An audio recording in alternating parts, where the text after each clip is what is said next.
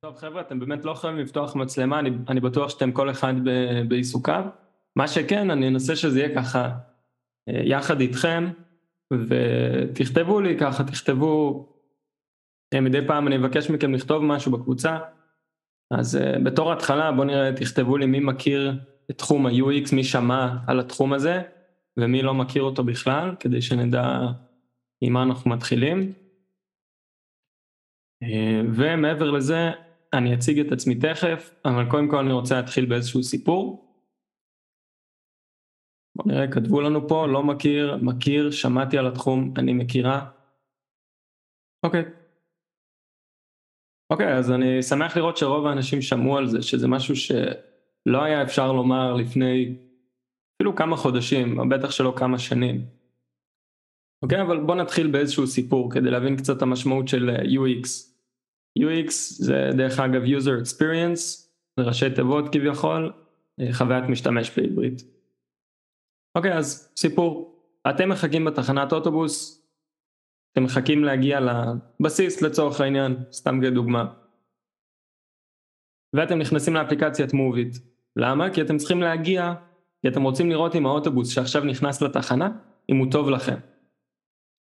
סיטואציה שהרבה מאיתנו מכירים. לחלופין אתם עכשיו בדרך לתחנה ואתם צריכים לתכנן מאוד מהר את המסלול שלכם.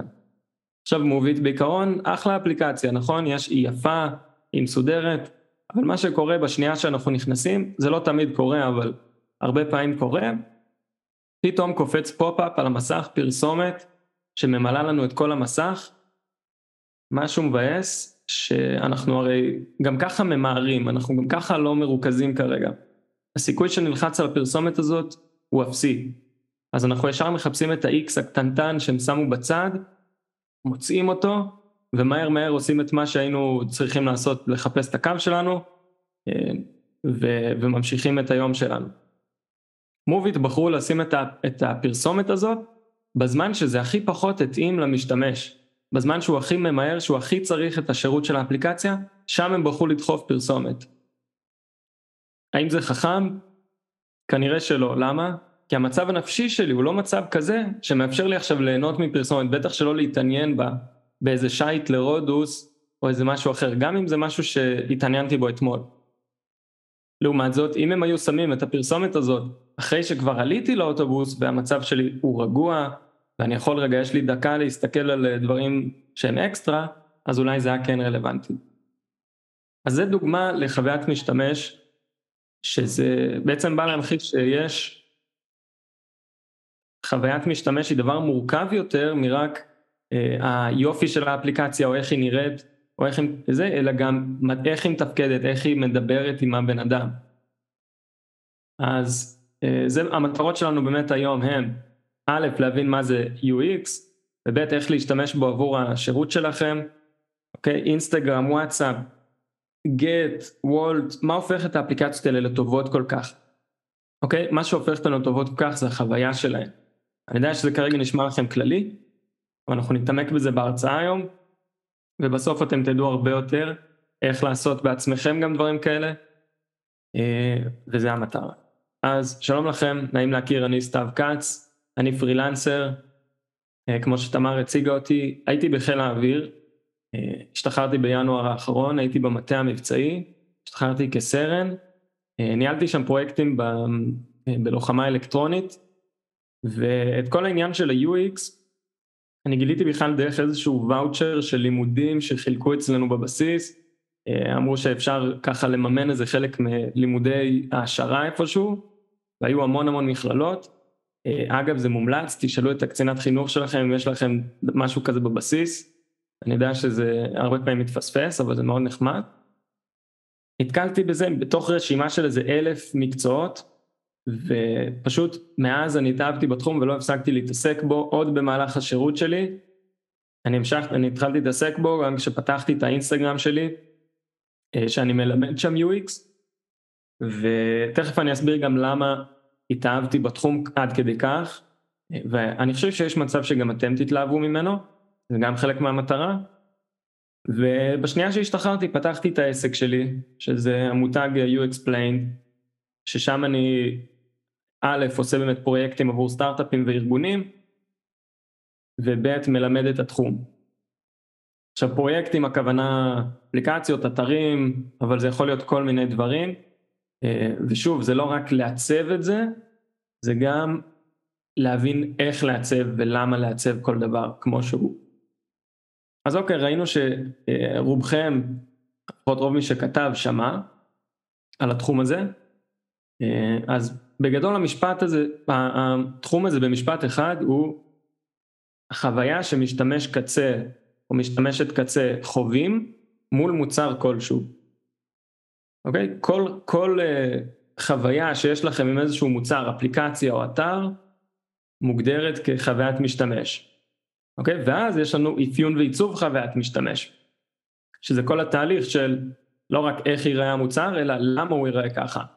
לא רק המעטפת של היופי כמו צבעים, תמונות, מילים, אלא גם המיקומים של כל הדברים האלה והגדלים שלהם וסדר ההופעה שלהם בתוך האתר והניסוחים ואיזה עמודים בכלל יש באתר ואיזה פיצ'רים יש באפליקציה, אוקיי? וזה לא תכנות, זה בעיקר בעיקר מחקר ועיצוב.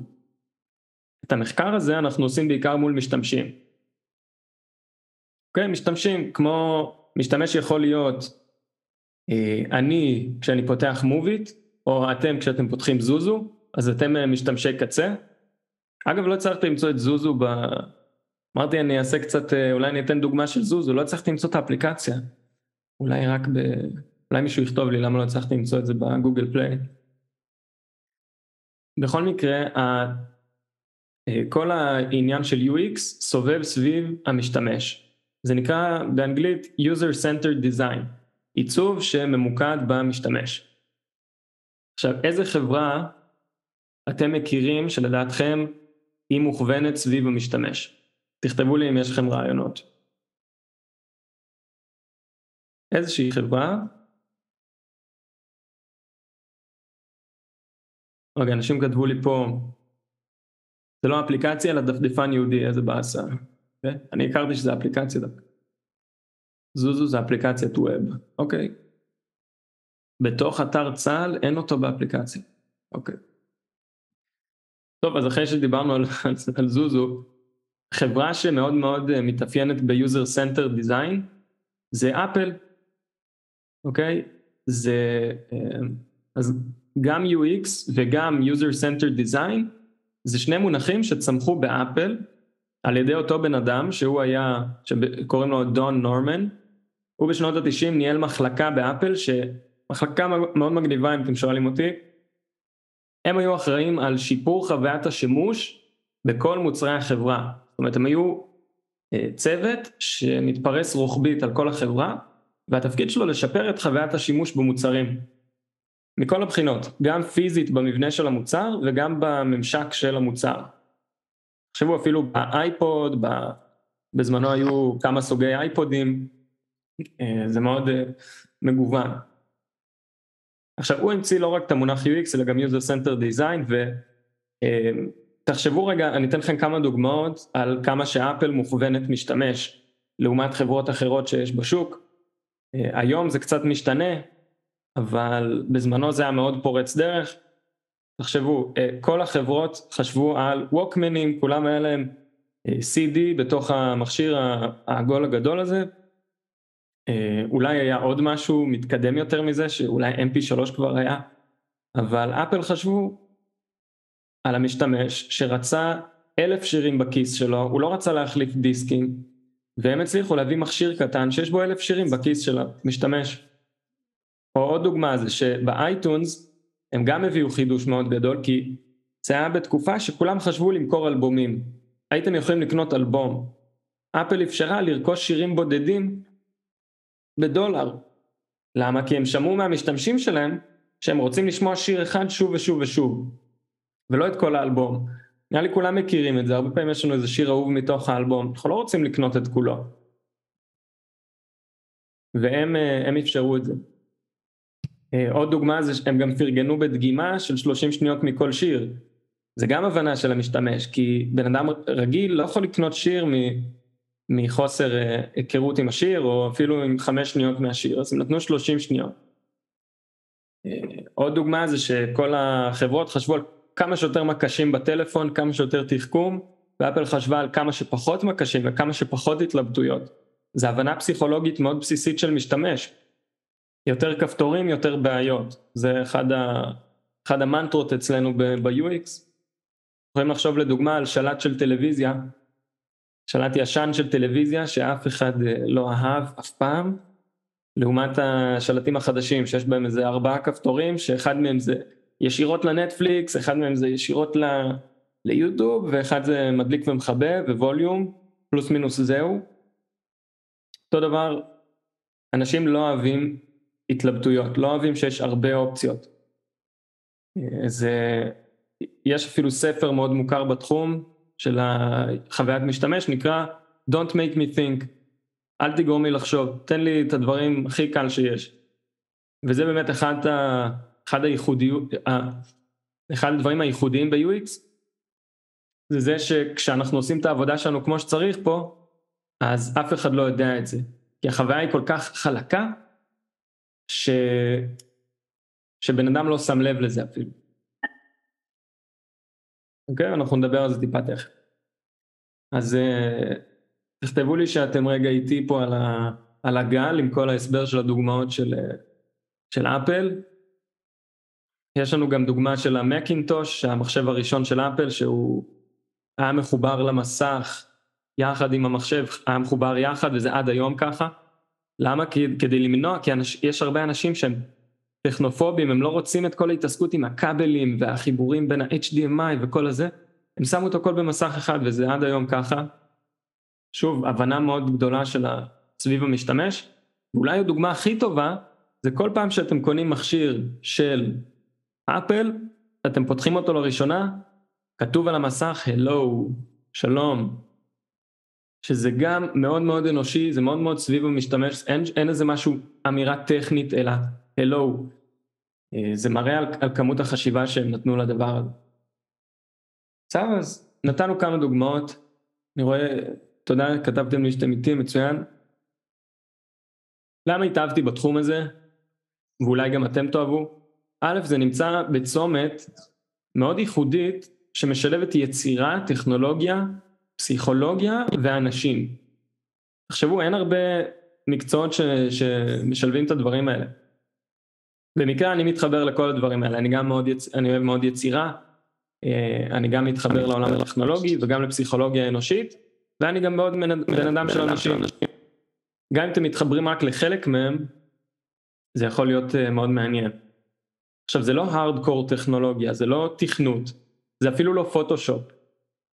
זה תוכנות יותר פשוטות, יותר אינטואיטיביות מזה, וחצי מהזמן בכלל אנחנו לא נהיה מול תוכנת עריכה כלשהי, אלא מול אנשים, מול משתמשים ומול לקוחות, כדי לעשות את המחקר מולם, לשאול אותם אה, מה הבעיות, מה איזה אתגרים הם חווים עם המוצר, זה חלק מעולמות המחקר.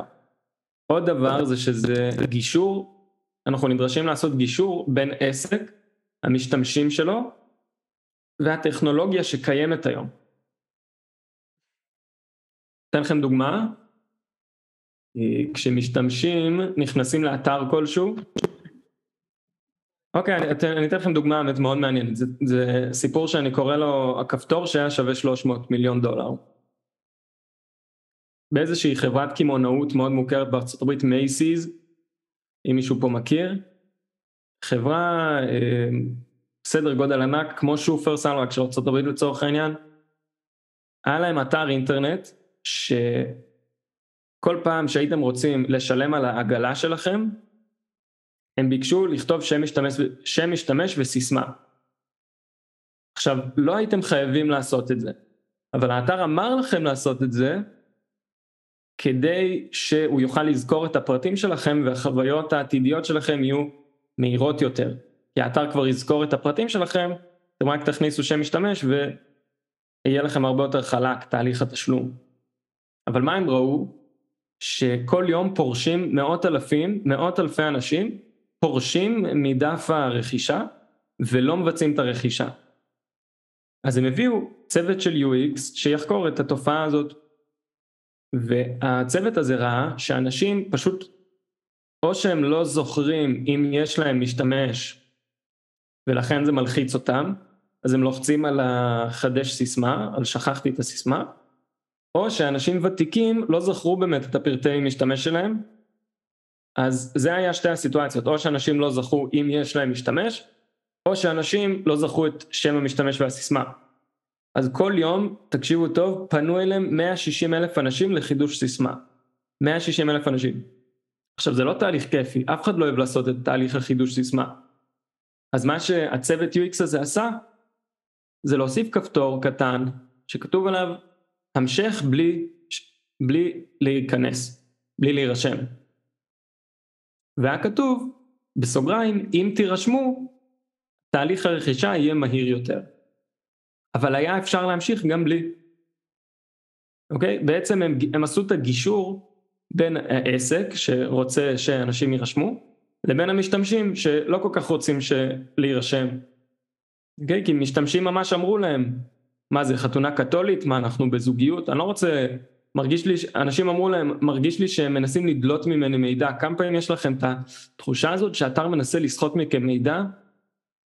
אז ה-UX זה בדיוק המקום הזה לגשר בין צרכי העסק והמשתמשים. והדבר הזה, השינוי הקטן הזה שהם עשו, גרם לעלייה במכירות של 45% בשנה הראשונה ב-300 מיליון דולר. שינוי כל כך קטן, לא היה כזה קל למצוא אותו, אבל השינוי בסופו של דבר היה מאוד קטן, 300 מיליון דולר. אה, עוד דברים זה שכל יום עושים משהו אחר, תחשבו שיום אחד אני מאפיין אפליקציה לבנק, אחרי זה אתר לעסק קטן, יכול להיות אפילו מישהו שקרוב אליי אולי, ממשק לכספומט, ממשק למערכת, איזה אפליקציה למערכת מולטימדיה ברכב, אולי אפליקציה לשעון חכם, זה מאוד מאוד מגוון וזה מאוד כיף ויש עושר ממש ממש עילאי בלתכנן ולשפר מוצר שמביא חוויה טובה אה, וחוויה טובה יותר ובעצם יום טוב יותר ושמחה גדולה יותר לאלפי או מאות אלפי אנשים. יכול להיות שיש פה מפקדים בקהל שיוכלו להזדהות עם הנקודה הזאת של להשפיע על המון המון אנשים, אגב לא רק מפקדים, גם חיילים, יודע שזה לי היה משהו מאוד משמעותי בצבא, הרעיון הזה של יש לי יכולת להשפיע על חיים של המון המון אנשים, אז זה גם פה ב-UX. עכשיו, אולי אתם שואלים סתיו. אגב, שאלות, אתם יכולים לשאול אותי. אה, ואם זה לא יתאים לי לענות עכשיו, אני אענה לכם בסוף. עכשיו, סתיו, התחום הזה לא היה קיים תמיד. מה הכוונה? תמיד אנשים היו צריכים, היו צריכים לסדר מידע ולארגן אותו בצורה נגישה. תחשבו למשל על ספרייה. תמיד היו ספריות. ספרייה זו דוגמה קלאסית למקום שחייב חייב לחשוב על חוויית משתמש.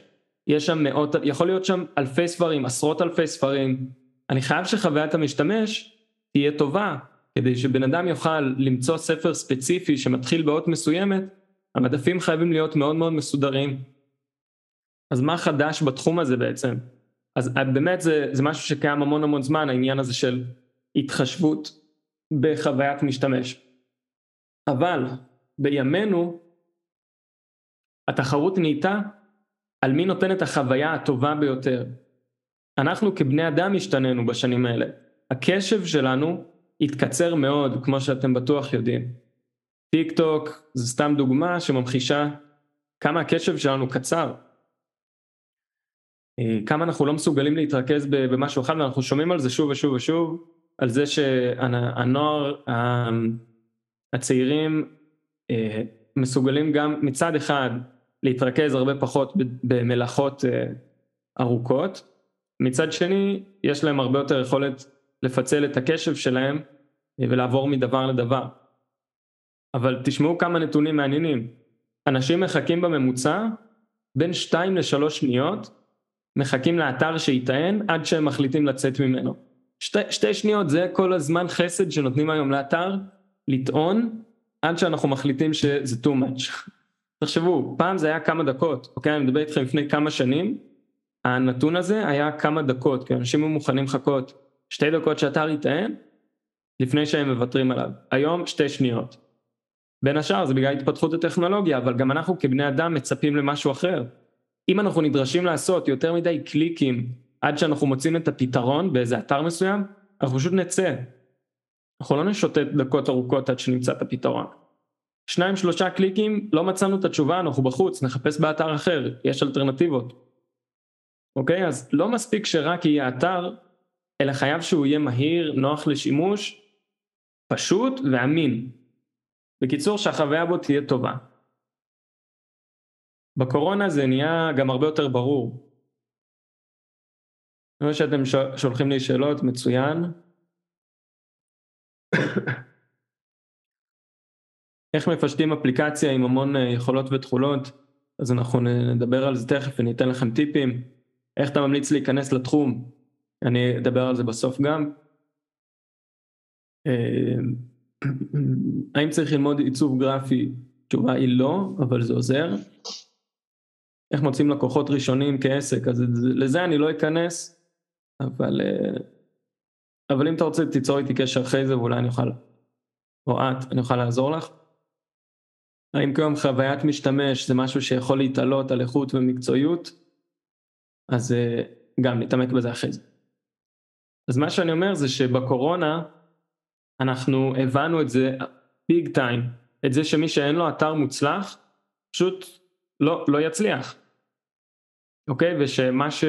כמו שצ'רצ'יל אמר, מה שלא עובד פשוט, פשוט לא עובד. ואני מאוד מאמין בזה, זה מאוד ככה גם בחוויית משתמש.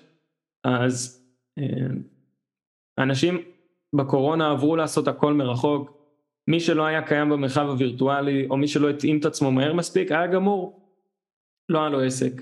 הדוגמה הכי טובה זה האתרים הממשלתיים.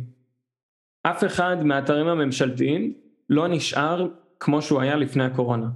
בגלל שהם היו משהו שאנשים חייבים להשתמש בו, והמדינה הייתה חייבת להתאים את עצמה, אז כל האתרים השתנו. עכשיו, לפני כן האתרים היו באמת זוועת עולם. כולם, אה, לכולם נראה לי יצא להתעסק פחות באתר ממשלתי אחד והם היו זוועה. אה, והקורונה הביאה את השינויים, האתרים האלה נהיו הרבה יותר טובים מאשר פעם.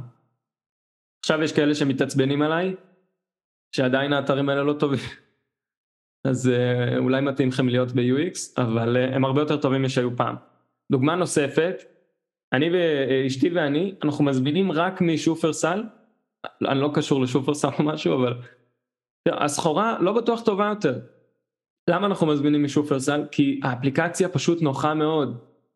יש מצב שזה אפילו יותר יקר ממקומות אחרים, אבל זה שווה לנו את זה, כי החוויה שם טובה, בשבילנו.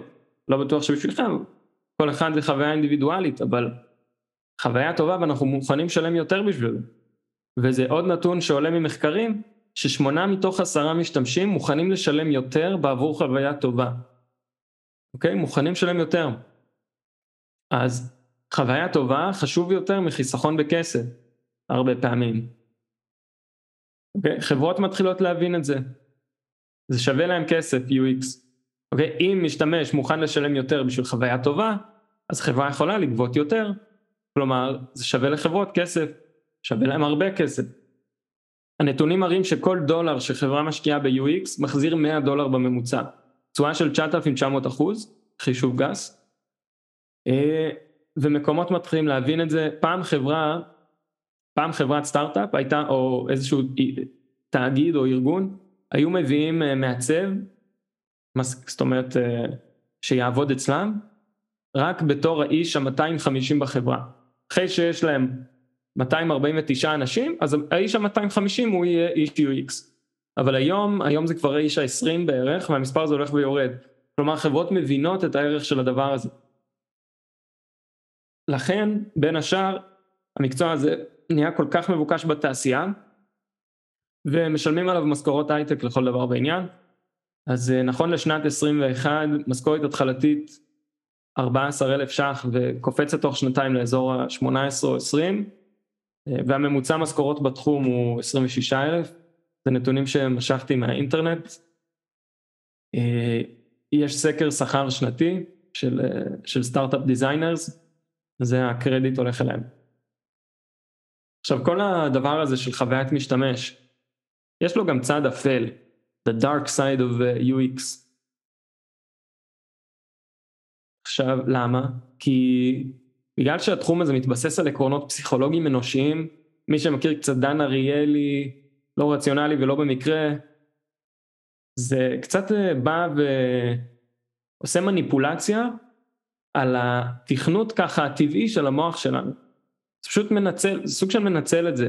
עכשיו המטרה היא לתת חוויה טובה ולשפר את המוצר והכל, אבל אפשר גם, וזה ה-dark side of the UX, אפשר לנצל את התחום הזה לרעה, ויש חברות שעושות את זה, יש אתרים שעושים את זה, דוגמאות מהירות, זה לדוגמה כשאתם נכנסים ל... להוריד איזה קובץ באינטרנט ויש פרסומת שכתוב עליה להורדה. אתם מכירים את זה? זה מאוד מפתה ללחוץ וזה בעצם פרסומת, או נגיד שיש פרסומת אבל אין את ה-X או שה-X מאוד מאוד מאוד קטן, כדי שגם אם תנסו ללחוץ עליו אתם תלחצו על הפרסומת בטעות. כל הדברים האלה זה dark UX, עוד דוגמה זה נגיד אתם רוצים אה, לצאת מאיזשהו ניוזלטר, למחוק את עצמכם, ו... אה, וזה, לא, וזה עושה לכם סיבוכים, זה אומר לכם תכניס שם משתמש וסיסמה כדי להסיר את עצמך מרשימה וכל מיני כאלה. אוקיי? דוגמה, דוגמה אחרונה שאותי אישית, אה, אני גם יכול אה, לומר לכם את זה עכשיו, כי זה כבר התפרסם, אז חברת קוויק קיבלה תביעה ייצוגית על זה שהיה להם איזשהו אלגוריתם חדש באפליקציה שלהם. קוויק זה גם חברה של הזמנת מוצרים, אה, מוצרי, כאילו מוצרי צריכה, נגיד אתם רוצים לקנות עגבניות, אז קוויק עשו מעין ממוצע של כמה עגבניות אנשים צורכים בממוצע, ושמו לכם אוטומטית את הכמות הממוצעת שאנשים אחרים צורכים. נגיד רציתם אה, קילו עגבניות, אבל רוב האנשים קונים שני קילו עגבניות, אז האפליקציה שמה לכם אוטומטית שני קילו עגבניות. אה, אותו דבר רציתם לקנות מעדן, אבל זה, מוכרים את זה בחבילות של ארבעה ורוב האנשים קונים ארבעה, אז זה שם לכם ארבעה, וזה לא הודיע על זה, זה לא הודיע לפני כן. אתם יכולים להבין למה אנשים התעצבנו, כי פתאום הם הזמינו והגיע להם חמש מכל דבר, ואז הם אה, רק קלטו את הדבר. אז זה כבר פורסם פסק דין והם נתבעו והם נתנו פיצוי על זה. ו... זה חוויה טובה או רעה? זה מן הסתם חוויה, אני לא יודע, יכול להיות שהקוויק רצו לעשות חוויה טובה, אני מניח, אבל במקביל הם גם רצו כנראה למכור יותר. בסופו של דבר זה ככה סוג של דארק UX גם. טוב אז דיברנו על דוגמאות, דיברנו מה זה UX, על היתרונות של התחום קצת. אה, בוא נדבר על טיפים, טיפים למוצרים. מי פה מתעסק עם אה, מוצרים בשירות שלו? או לדוגמה עושה מצגות, כותב מיילים, כל דבר כזה או אחר, זה מוצר, תחשבו שמייל זה מוצר, מצגת זה מוצר. כן, אז מעניין אותי זה, תכתבו לי גם מי פה בכלל לא, מי פה בכלל לא במחשב אף פעם, גם אתם, גם החבר'ה האלה שלא במחשב אף פעם לא כותבים שום דבר, גם לכם יש, יש פה הרבה דברים לקחת, כי פשוט ממירים את הטיפים האלה לדברים, פונקציות בין אישיות במקום uh, לטכנולוגיות. אוקיי, אז בואו נדבר קצת על טיפים למוצרים. פירמידת ה-UX אני קורא לזה, מה מוצר צריך להיות? אז זה ממש גזור ושמור כזה, לפי סדר ה... אני עכשיו מתחיל שישה דברים לפי הסדר החשיבות שלהם במוצר. דבר אחד, וזה בסיס של הפירמידה, שהמוצר יהיה פונקציונלי. מה הקו הפונקציונלי? שהוא יעשה, יקיים את המטרה שלשמו הוא נועד. אתן לכם דוגמה, פטיש. פטיש הכי פונקציונלי שיש, מאוד ברור מה לעשות איתו, נותנים איתו מכה והוא נותן את המכה שציפיתם, אין כאן שום הפתעות. זה נאמבר 1. אם לא, אם הוא לא עושה את המטרה שלשמו נועד, אין לי מוצר. שתיים, שהוא יהיה אמין, okay? אוקיי? שזה לא יקרוס בזמן, שזה יהיה זמין כשאני צריך אותו. כן, אז תחשבו לדוגמה פטיש, אם הידית שלו הייתה מתנתקת מהראש, אז ברור שהוא כבר לא אמין, אני לא יכול להשתמש בו. או נגיד ש... אפילו ווייז לפעמים, כשאתם פותחים ויש לה איזה פיקשוש, זה פוגע באמינות שלה. זה אחד הדברים הבסיסיים במוצר. אני חייב שהוא יהיה שם כשאני צריך אותו. אה, דבר שלישי, זה שיהיה קל להשתמש בו. אוקיי? זה לא אומר שיהיה כאילו סופר דופר קל, אלא שיהיה קל, שאני לא אצטרך לשבת ימים ולילות ללמוד איך, איך להשתמש בו, אז כמובן פטיש זה גם דוגמה טובה פה, אבל תחשבו גם על הדוגמה שנתנו קודם של שלט טלוויזיה, איזה זוועה זה היה, שלטים של פעם, אה, אפילו לפני כמה שנים, שלט של איזה אלף כפתורים, אין שימוש ל-90% מהכפתורים האלה, ופשוט לא בא לכם להתעסק איתו. למה? כי זה, זה מסבך, זה מסבך את השימוש. עכשיו, אלה שלושת הדברים המאוד בסיסיים של מוצר, אז שוב, פונקציונלי, אמין וקל לשימוש. מפה אנחנו עולים לעוד שלושה מאפיינים שהם כבר הרבה יותר קשים להשגה. הם כבר, הם כבר מאפיינים את החברות הממש גדולות ומצליחות. אוקיי? אז הדבר הרביעי זה שיהיה נוח, אבל לא נוח כמו שאמרנו קודם, אלא אינטואיטיבי, כאילו ממש ממש קל להשתמש בו. להשתמש בו בלי להרגיש שאתם משתמשים בו. תחשבו על עכבר של מחשב לדוגמה, מתי חשבתם אי פעם על החוויה של השימוש בעכבר? לא חשבתם על זה, זה בדיוק העניין. בגלל שזה כל כך נוח, אתם אפילו לא חושבים על זה, זה פשוט בא לנו אינטואיטיבי. או לדוגמה אייפון, שהציג לנו את הטאץ' עם האצבע, זה היה כל כך נוח שזה פשוט אומץ תוך שנייה על ידי כל העולם. הדבר החמישי זה שיהיה מהנה, כן? ופה אנחנו כבר מדברים על ממש הדובדבנים של הקצפת, כאילו ממש השאיפות הכי גדולות של מוצרים, של סטארט-אפים, של חברה, זה שהמוצר שלהם יהיה מהנה, אבל כמובן שאני לא יכול לעשות מוצר מהנה לפני שיש לו את כל ארבעת השלבים הקודמים, אני לא יכול שהוא יהיה רק מהנה, בלי שהוא יהיה אמין, פונקציונלי או נוח, אוקיי? Okay, אבל אם קיימתי את כל הקודמים, אני יכול להתקדם לשלב החמישי של מוצר שיהיה אשכרה כיף להשתמש בו. תחשבו למשל על וולט, אחרי שהם ביססו את עצמם, שהם אמינים, ש...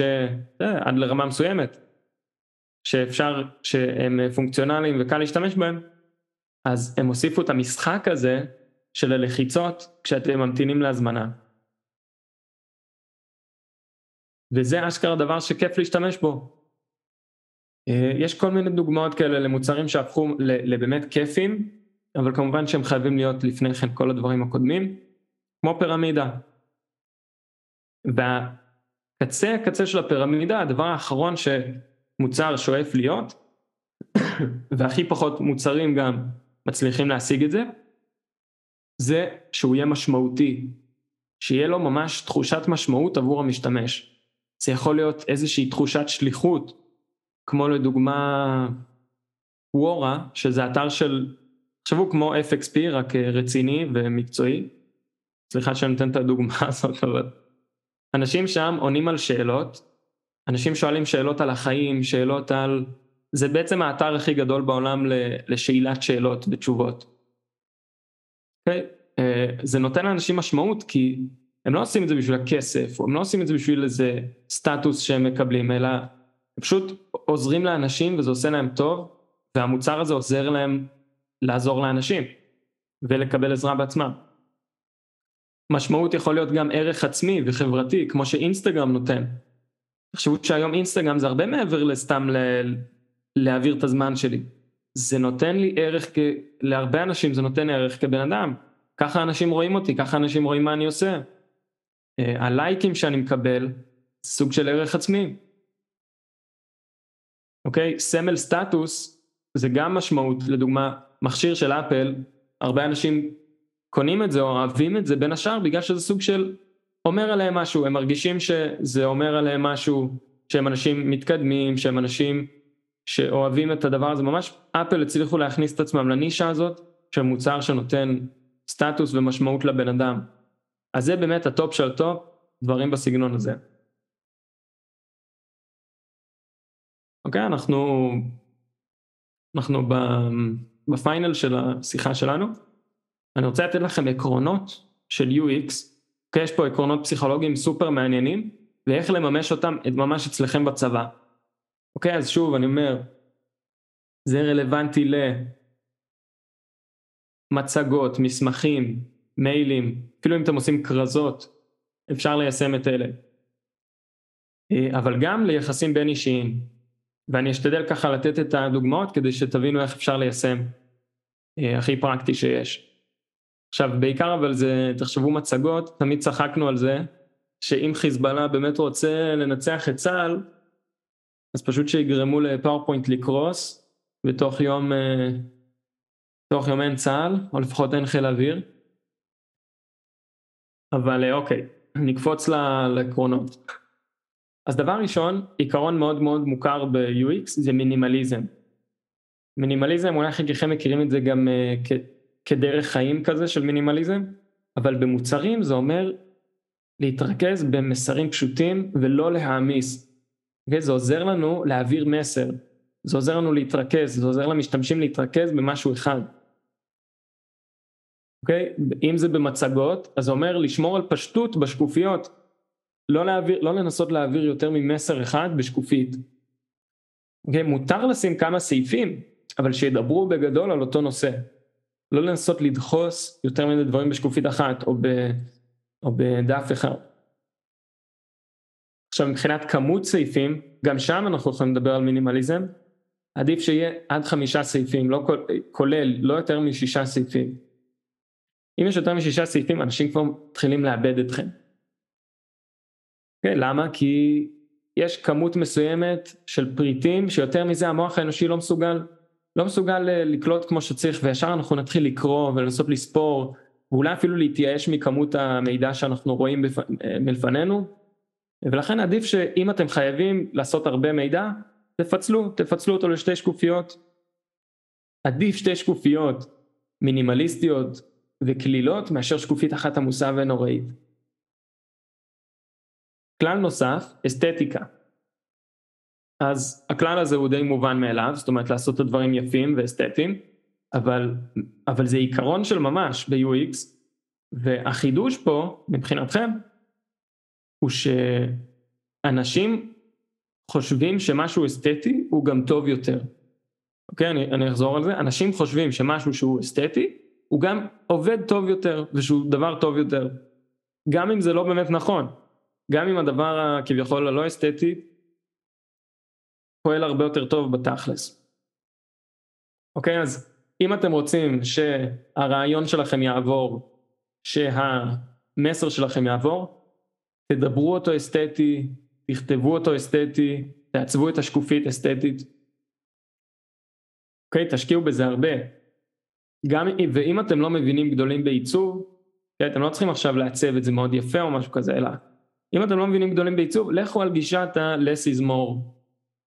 אתן לכם דוגמא, תחשבו על דף הבית של נטפליקס, כשנרשמים לנטפליקס מופיע מסך שמאחוריו יש הרבה כזה תמונות של סדרות שיש לנטפליקס, שזה עושה לנו קצת, קצת חשק כבר להתחיל לראות,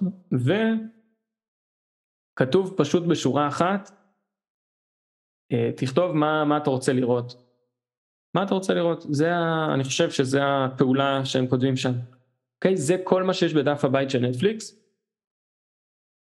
שזה ממש uh, keep it simple. אוקיי? Okay? וזה באמת less is more, כי ב... במקום שיהיה התלבטויות, יש לי רק אופציה אחת. אוקיי? Okay? זה הרבה גם נוגע לעניין האסתטיקה. דבר שלישי זה היררכיה. אז בצבא מכירים טוב מאוד מה זה היררכיה, אבל בעיצוב, היררכיה זה בגדול אומר, מה שיותר חשוב, יותר בולט. אוקיי? תזכרו ראשי תיבות חייב, חשוב יותר, יותר בולט. אוקיי? כמה שקופיות אתם רואים? אתם מכירים את הפגישות המייאשות האלה שאתם יושבים ורואים מצגת ויש כמויות של שקופיות וכל שקופית עמוסה במלא מידע והכותרת היא גם בדרך כלל כתובה בצורה מאוד גדולה ובולטת והטקסט הוא מאוד קטן, טקסט שהוא בתכלס התוכן העיקרי הוא מאוד קטן והכותרת מאוד גדולה. למה בעצם? כי מה חשוב יותר, הכותרת או הטקסט? הטקסט הרי הרבה יותר חשוב, אז למה אנחנו שמים את הכותרת כל כך גדולה? העין שלנו נמשכת למשהו יותר גדול ובולט, אז בואו ננסה להקטין את הכותרת ולהגדיל את הטקסט. ואם אנחנו טיפה מדללים גם את כמות המידע, אז נוכל גם לפרגן לטקסט בטיפה יותר אפילו, טיפה, שיהיה טיפה יותר גדול.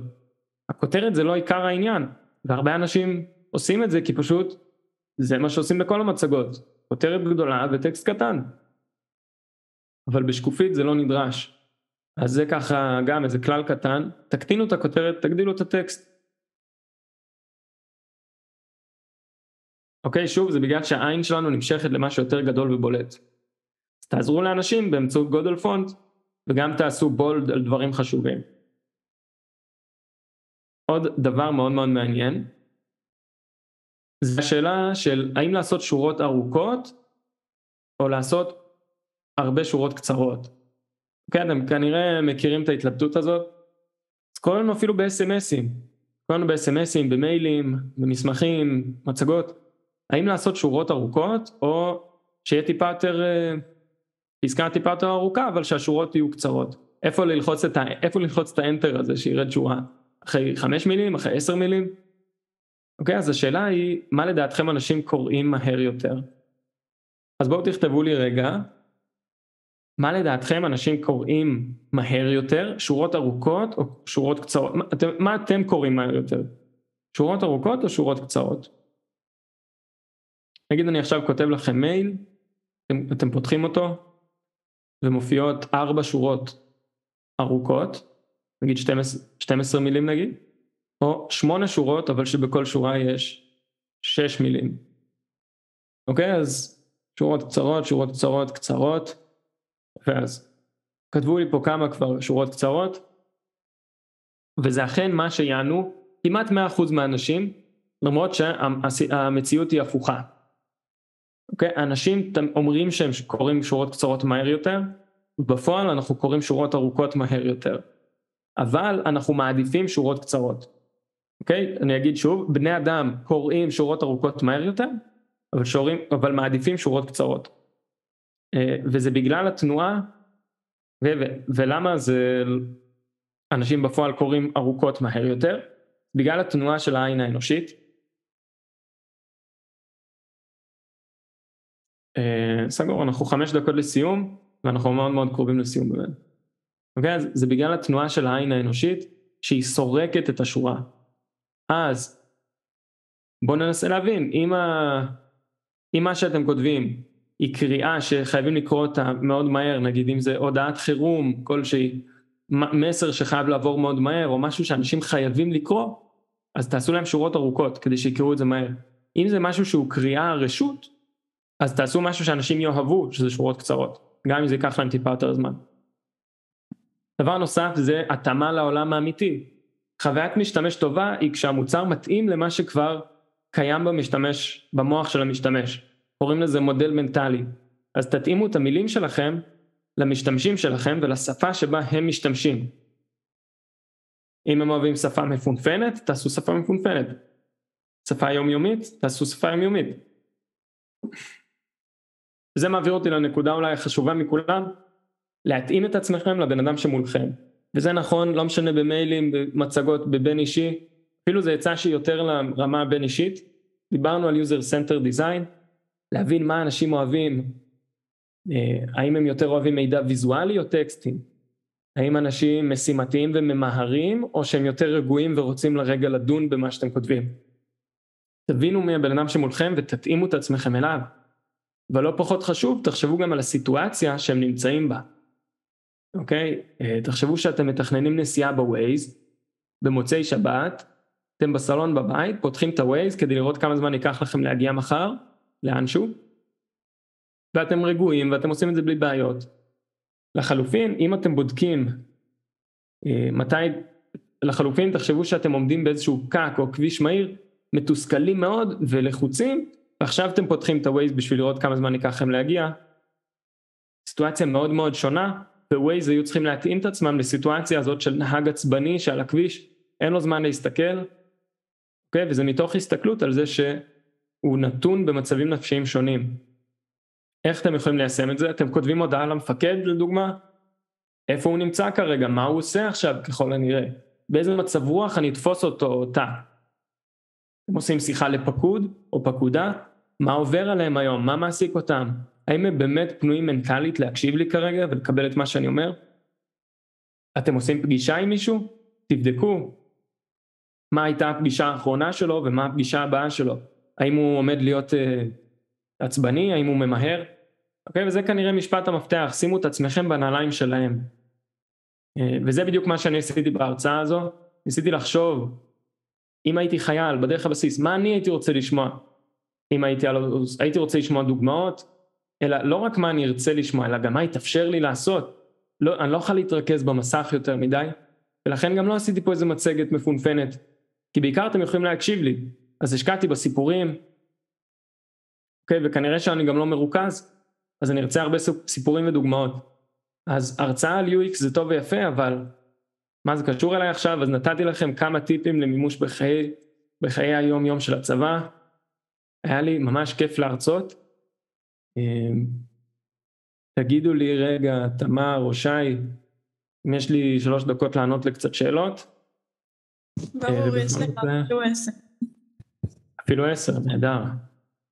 לא, לא, ממש, ממש שלוש דקות, האמת. אוקיי, אוקיי. אוקיי, אז אה, טיפים להיכנס לתחום, יש לי אה, בשפע טיפים כאלה בעמוד האינסטגרם שלי ux.planed, okay, זה כאילו משחק מילים UX explained, אז במילה אחת UX explained. אני מניח שתכתבו UX באינסטגרם וגם תמצאו את זה, אז יש לי שם המון פוסטים שמדברים על איך להיכנס לתחום, אבל בעיקרון אה, יש קורסים, אני ממליץ לך לבדוק אה, קורסים, אני צריכה להתחיל בקצת יוטיובים, שאתם רואים אה, מה קורה שם, ואפילו אני אשלח פה אה, אני אשלח אחרי זה לתמר קישור לאיזשהו מאמר שיש לי על איך להיכנס לתחום עם טיפים מסודרים, שתוכל להיעזר בזה. אה, האם כיום חוויית משתמש זה משהו שיכול להתעלות על איכות ומקצועיות המוצר מבחינת החשיבות היום של כל היבט כזה בשוק? אה, אני לא, לא בטוח שהבנתי את השאלה, אבל חוויית משתמש זה משהו שבא יחד עם איכות המוצר, זה, זה ממש אמ, יד ביד הולך, אוקיי, האיכות מהרבה בחינות נקבעת לפי חוויית המשתמש, לפי המהירות של המוצר, האמינות שלו. אוקיי, אז אה, אה, ההזמנה עם חוויה טובה התבצעה אחרי סקר שוק שעשית, או פשוט נוח אז נשארת? אה, כאילו בהקשר של שופרסל, אז אם, אה. אם, אה, אם כזה ראית כי טוב, או שניסית, כאילו ניסית מהמון מקומות ואז החלטת שאתה הולך על, על מותג ספציפי. ניסינו, ניסינו גם מרמי לוי וניסינו מכמה מקומות ופשוט זה היה הכי נוח. בטוח לכל אחד יש את החוויה האישית שלו בעניין הזה. זהו, שאלה אחרונה שממש, איך מפשטים אפליקציה עם המון יכולות ותכולות, אז uh, מתחבר לטיפים שאמרתי קודם, אסתטיות, מינימליזם, uh, התאמה למשתמש, זה הדברים הגדולים והכל הכל סובב סביב המשתמש, תזכרו user center design, לשים את עצמנו בנעליים של המשתמשים. אני מחזק אתכם, אתם כולכם עושים עבודת קודש, ושיהיה שבוע טוב ומלא בחוויות.